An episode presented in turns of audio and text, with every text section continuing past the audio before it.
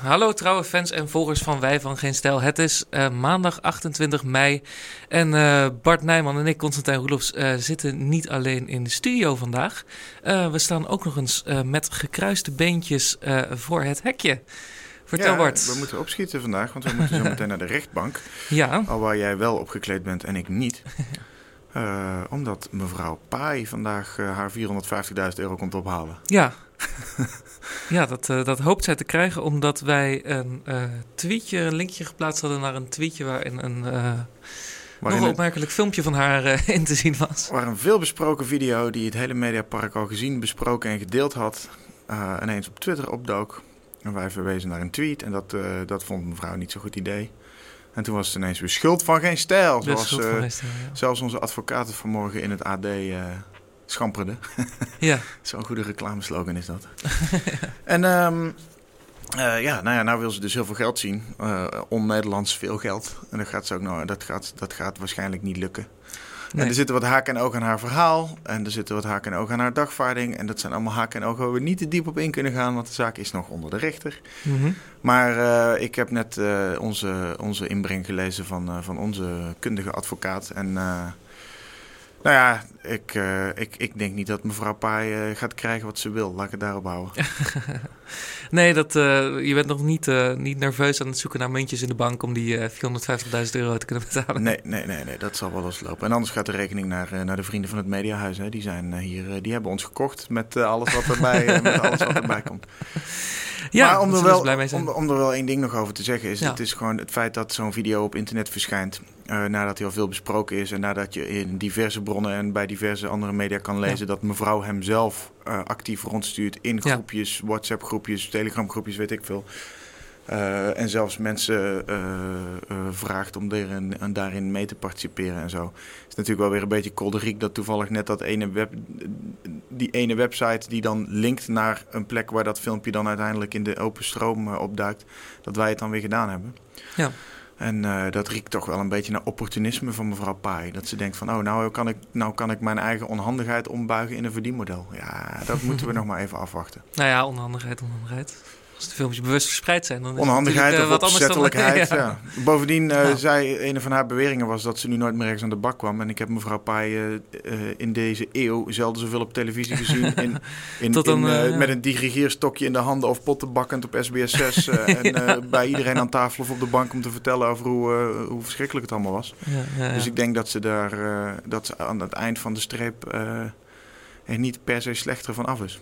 Nee, de, de golden shower van nutteloze celebrity shows uh, die uh, dagelijks in Nederland, over Nederland wordt uitgestroomd, die is ja. meer dan ooit gevuld met, uh, met paai. Ja. Ja, ja, de ironie daarvan is inderdaad. dus nou ja, dat, uh, we wachten het verder rustig af, want uh, wij zijn geen uh, juristen en Nee. we leren ons de analoge rechters kennen. Ja, want dat vind ik dus ook wel grappig. Dat, dat weer gewoon dat onbegrip van de zittende macht over hoe het internet gewoon in, in de basis werkt. Zeg maar. Ja, dat nou ja, we hebben niet dat, hetzelfde is als dat, hebben we eh, natuurlijk een paar jaar geleden in die, in die zaak gezien van de, van de, van de gelekte Britt Dekker foto's. Ja. Die stonden op een, op een, op een uh, vrij te vinden vindplaats op internet als je de link had. Ja. En uh, dat eindigde gewoon bij het, bij het Europese Hooggerechtshof over de vraag of je überhaupt wel een, een link mag plaatsen op het internet. Ja. Nou ja, sorry, dames en heren, uh, 135 jaar oude rechters.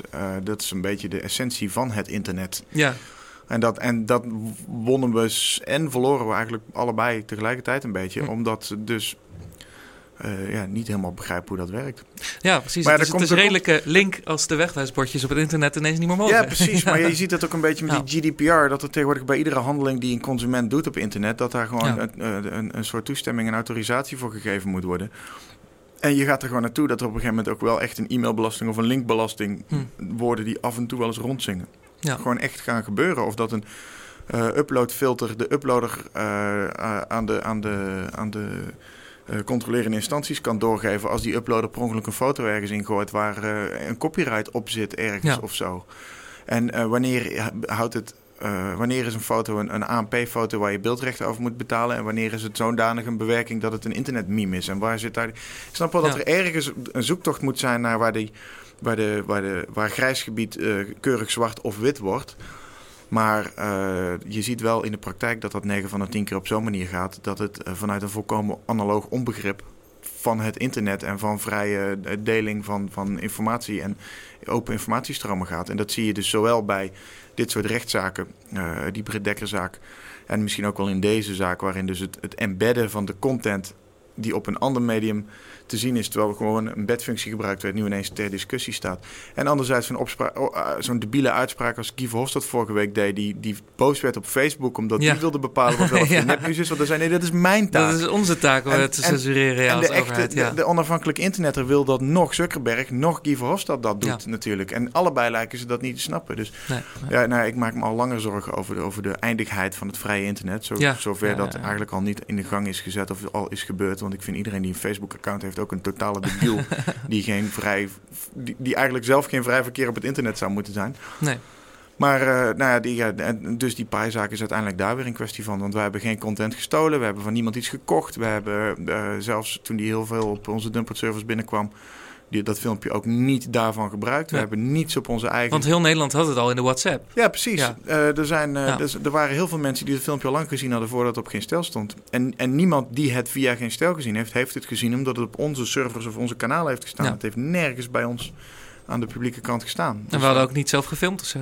Nee, dat allemaal niet. Tom Staal die daar met zijn plopkap... Dus het is uiteindelijk, vind ik het gewoon weer een vrij idiote zaak. En niemand van ons betwist ook dat mevrouw Paai overigens in de privé privacy van haar eigen badkamer mag doen en laten, of met zich laten doen en laten wat ze wil. Uh, maar je moet niet ons 450.000 euro komen aftroggelen als jij zelf uh, je eigen plassex-video's rondstuurt. Nee, nee, nee. Dat, dat lijkt me een, uh, een no-go. Goed, dan gaan we weer door naar onze volgende hobby, het vrije woord. We gaan het hebben over Stephen Christopher Jacksley Lennon, die u misschien beter kent als Tommy Robinson. Tommy Robinson is bekend als de uh, voorman van de Engelse English Defence League. Oh, oh. Niet meer, hè? Allang niet meer. hij was een van de oprichters van de English Defence League. Waar hij vervolgens zelf uitgestapt is, omdat hij die te rechtsextremistisch vond. Goed, uh, maar hij zit inmiddels 13 maanden uh, in de bak. Of uh, is veroordeeld nee. tot 13 maanden ja. celstraf. Omdat hij uh, gefilmd heeft bij een andere rechtszaak. Ik, ik, snap, je, ik snap je verwarring wel, want uh, ja, de Britse media mogen helemaal niet berichten over dit feit. Dus ja. wij mogen dit eigenlijk helemaal niet weten. Dat wij Tommy... mogen niet weten dat Tommy Robinson in de bak zit. Waarom niet? Tommy Robinson stond te filmen bij de rechtszaak van een Britse grooming gang. Dus de zoveelste ja. moslimbende uit de zoveelste middelgrote Engelse stad. Die weer eens honderden, zo niet duizenden meisjes heeft misbruikt, verhandeld, als seksslaaf heeft gebruikt. Anderszins geloverboyd heeft. Ja. En uh, hij stond daar buiten op straat een soort van live verslag te doen via zijn Facebookpagina of, of via YouTube. En dat mag dus niet in Engeland, want het is een lopende zaak en dan mag je niet die verdachte in beeld brengen. Dat zou zogenaamd de uitkomst kunnen beïnvloeden en de jury kunnen beïnvloeden. En hij had al een prior conviction voor zo'n feit. Uh, hij was al eerder daarvoor veroordeeld. Toen is hij, heeft hij twee of drie maanden vastgezeten en de rest van de straf was voorwaardelijk. En nu hebben ze hem dus meteen standtepeden die middag in de boeien geslagen en gelijk gezegd... nu is die voorwaardelijke straf is nu, uh, een definitieve. Dus er kwam verder geen extra rechtszaak aan de pas. En hij zit nu ergens in de gevangenis. En daar zijn heel veel mensen heel boos om. Want Engeland wordt al jaren geteisterd door grooming gangs. En ja. uh, zo niet al decennia. In de laatste jaren komen die grooming gang verhalen steeds meer naar boven. En in de Engelse media heette dat dan uh, mannen van Aziatische afkomst te zijn. ja, want moslims. ja, ja, want in, en in de praktijk zijn dat gewoon moslims uit, uh, nou ja, uit quasi-Aziatische landen. Want het zijn niet per se Aziatische landen, maar ook niet helemaal niet. Het is maar net welke, welke atlas je gebruikt, zeg maar. Ja. Maar het gaat, dus- het gaat in de praktijk altijd uh, uh, uh, zo goed als voor 80, 90 procent om moslims en moslimgroepen die dat doen. En de slachtoffers zijn bijna altijd jonge meisjes en vrouwen uit blanke Engelse middelklas of lower class, families. Ja. En daar wringt heel veel, want daar wordt weer heel weinig over bericht. En daar wordt heel politiek correct over gedaan. En Tommy Robinson probeert dat te doorbreken. Ja. Die wil wel die verhalen naar buiten. En ik, dat is, is een hele goede zaak, een hele goede strijd. Uh, maar ja, dat mag dus niet. En nu is de ophef. Uh, je ziet enerzijds vreugde op internet bij mensen zeggen: yes, hij is opgepakt. En die dat zijn allemaal linkse mensen die dat roepen. Ja. En die vervolgens geen woord zeggen over die grooming gangs en wat die doen met jonge meisjes. Nee. En, uh, en anderzijds zie je dat er een demonstratie al geweest is bij Downing Street voor de deur. Ja. Voor de vrijlating van Tommy Robinson. Het internet is in rep en roer, gelukkig. Uh, maar je ziet vooral over, over de persoon Tommy Robinson wel heel veel verwarring. Want alle Britse media die hem noemen, die zetten hem in de rechtsextremistische hoek en in de racistische hoek. Ja. Terwijl Robinson al jaren geleden van die IDL, waar hij inderdaad oprichter van was, afstand heeft genomen. Hij heeft zich zelfs inmiddels bij Quilliam aangesloten, waar de toch zeer wel bespraakte uh, Pakistaans-islamitische Majid Nawaz uh, de, de scepter zwaait. En uh, hij heeft ook, dat is wel een, een, een kijk- en luistertip. Uh, ik zal het in de topic in de link erbij gooien. Uh, een jaartje of wat geleden heeft Tommy Robinson voor de Oxford Union, hm. uh, dus zo'n zo'n praatzaaltje aan de Oxford Universiteit, heeft hij een, uh, een, een, soort balie, maar dan voor kakkers. Ja, en voor allemaal mensen die gekleed zijn zoals jij, waar, waar ik op mijn slippers niet binnen zou komen. Heeft hij een verhaal gedaan over zijn leven, zijn achtergrond en hoe hij is opgegroeid in Luton, een wijk in, in Londen, ja. buitenwijk van Londen, die hij heeft zien uh, islamiseren. Een behoorlijk, wat... behoorlijk divers, ja. niet te zeggen omgevolgd stukje Engeland. Ja, ik wou zeggen, divers is het niet meer. Het is al bijna, bijna compleet daar. Die, wij zijn, ik ben er niet zo heel lang geleden zijn wij er met een uh, met de Gimpelbus vorig jaar ja. doorheen gereden. Nou, je schrikt echt. Je schrikt echt. Je rijdt daar door een gebied waar zelfs de schooluniformen gewoon allemaal al hijab zijn. En zo. Ja, ik vond het dus heel grappig. Je hebt er dus natuurlijk ook het bekende EasyJet vliegveld, hè, waar je lekker ja, goedkoop nou, naar Londen kan. kom je daar wel. En dan moet je dus tegen de islamitische terroristen, hebben ze daar dus allemaal scanners, waar je wordt gecontroleerd op bommen en messen en wat niet al. En dan staan er achter die scanners, staan er alleen maar, in die veiligheidssessies, staan er alleen maar salafistische moslims met zulke baarden zonder snorren. Die staan je dan te controleren op bommen. Ja. Dat is echt een compleet dystopisch utopische, rare wereld daar. En, en, vervolgens loop je in een wijk in waar je als, als blanke vrouw uh, in een rokje of jurk of, of met een, uh, met een zomerstopje uh, niet veilig en ongestoord over straat kan. Nee. het nieuwe Engeland, ja. Nee, hij komt uit, uit dat gebied en hij heeft daar in die Oxford Union toespraak gaat hij aan de hand van enkele voorbeelden en vertellingen en anekdotes uit zijn, uit zijn leven en waar hij opgroeide vertellen hoe dat zit. En waar de vechtpartijen zaten en waar de frictie zat en waarom hij in die tijd ook regelmatig werd opgepakt en dergelijke. En uh, hoe hij gekomen is waar hij nu is. En hij, het is natuurlijk niet, uh, de man is geen intellectueel, hm. uh, maar hij heeft een, een, een goed en helder verhaal. Een zonnebank. Waar hij voor staat. Dealer. En hij wordt aan alle kanten natuurlijk besticht van racisme en extremisme en, en moslimhaat en islamofobie en noem alle clichés maar op. Hm.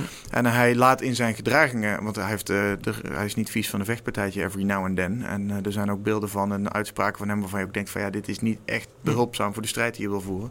Maar je merkt aan hem dat hij echt zijn best doet tegelijkertijd om uh, dat verhaal zuiver te houden en in beeld te brengen wat er gebeurt. En hij wordt natuurlijk zelf ook constant geprovoceerd. En being from a lower class hm. achtergrond in Engeland wil hij af en toe de boxersvaasjes nog wel eens, uh, ja, ja, wil hij nog wel eens triggeren door dat soort dingen.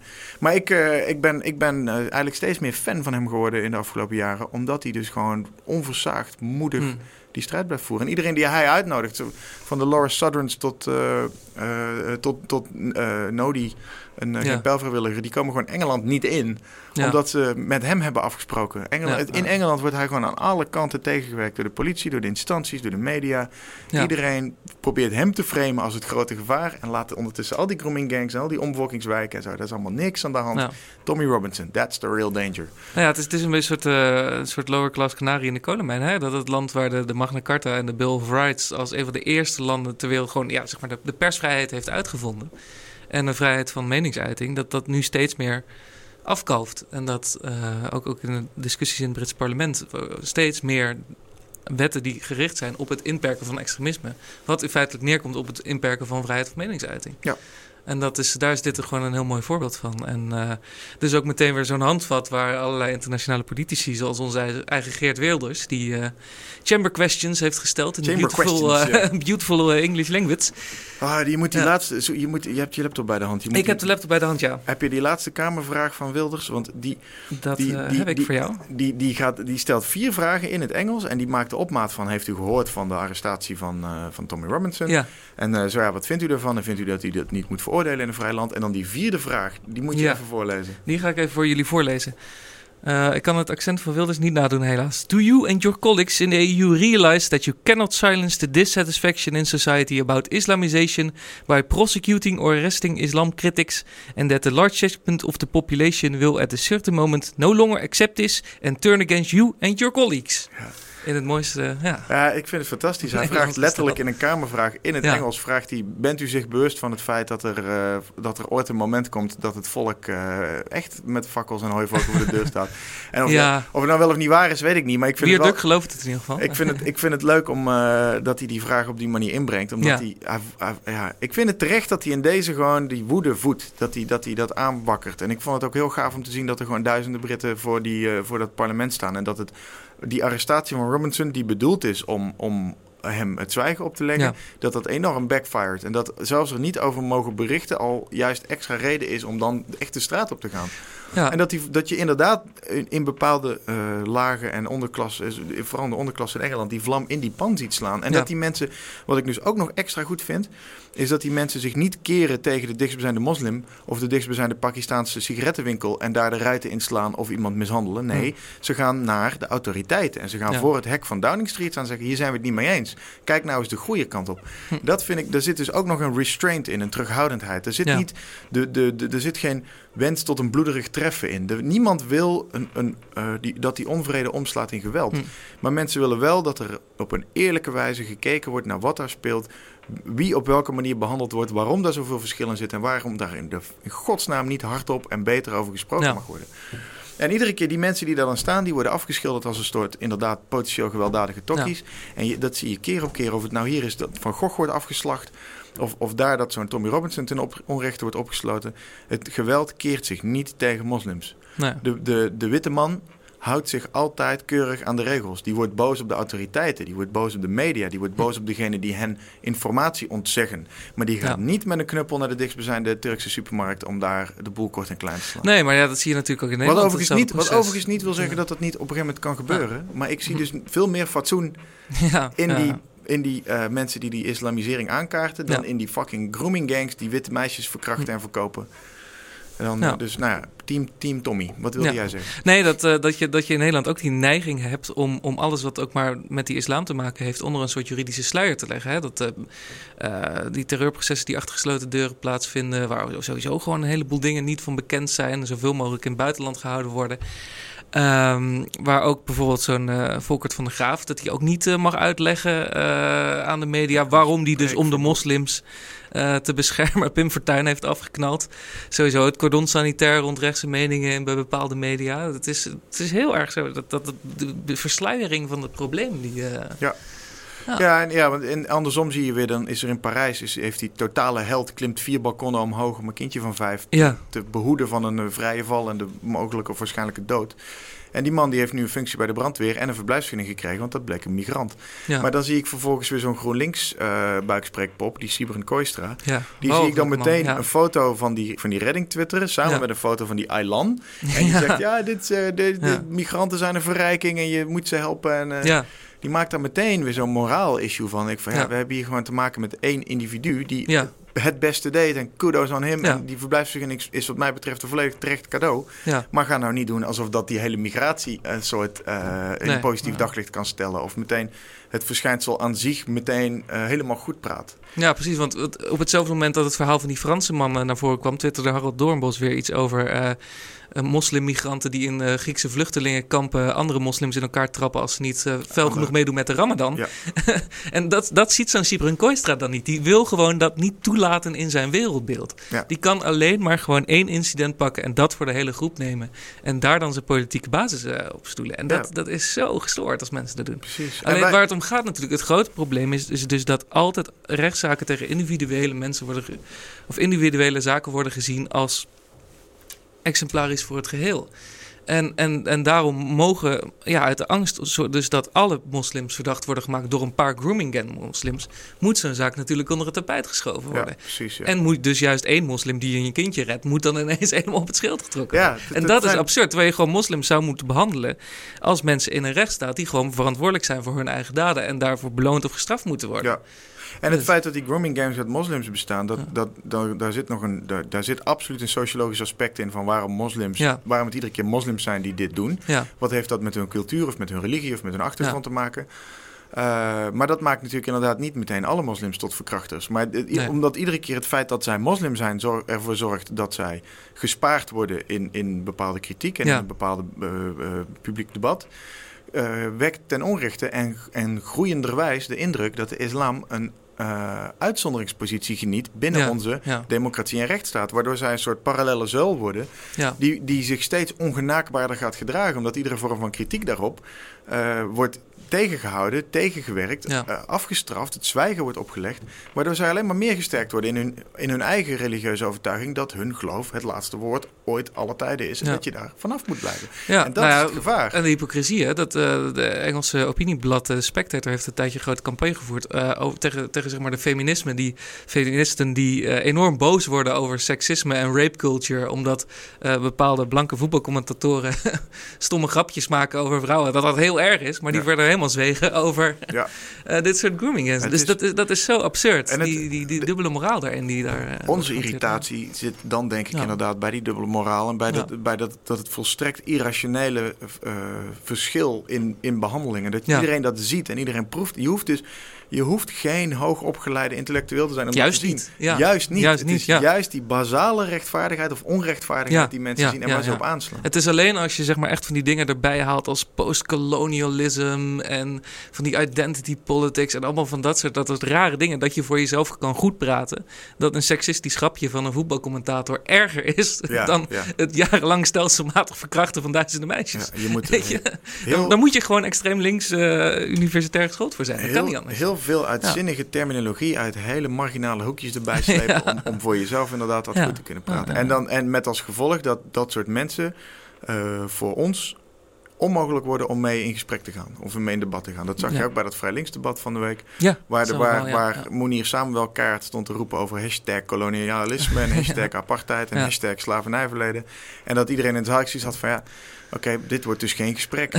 ja, Hier kun je niks mee hey, maar eh, wij, moeten, wij moeten van praten naar luisteren. Ja, ja, ja. Want wij moeten naar de rechtbank, dus uh, ja, eh, we kleed aantrekken. kappen het hier af. Goed Bart, ik ga even naar de wc. Doei!